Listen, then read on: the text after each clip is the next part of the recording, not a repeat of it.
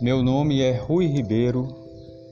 Eu sou especialista em medicina tradicional chinesa.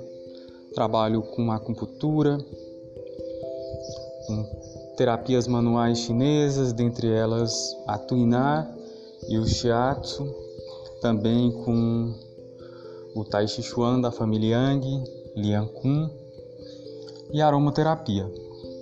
Durante muitos anos, eu procurei estudar profundamente tais técnicas e artes e estarei falando aqui para vocês como eu compreendo e algumas histórias no decorrer desse percurso.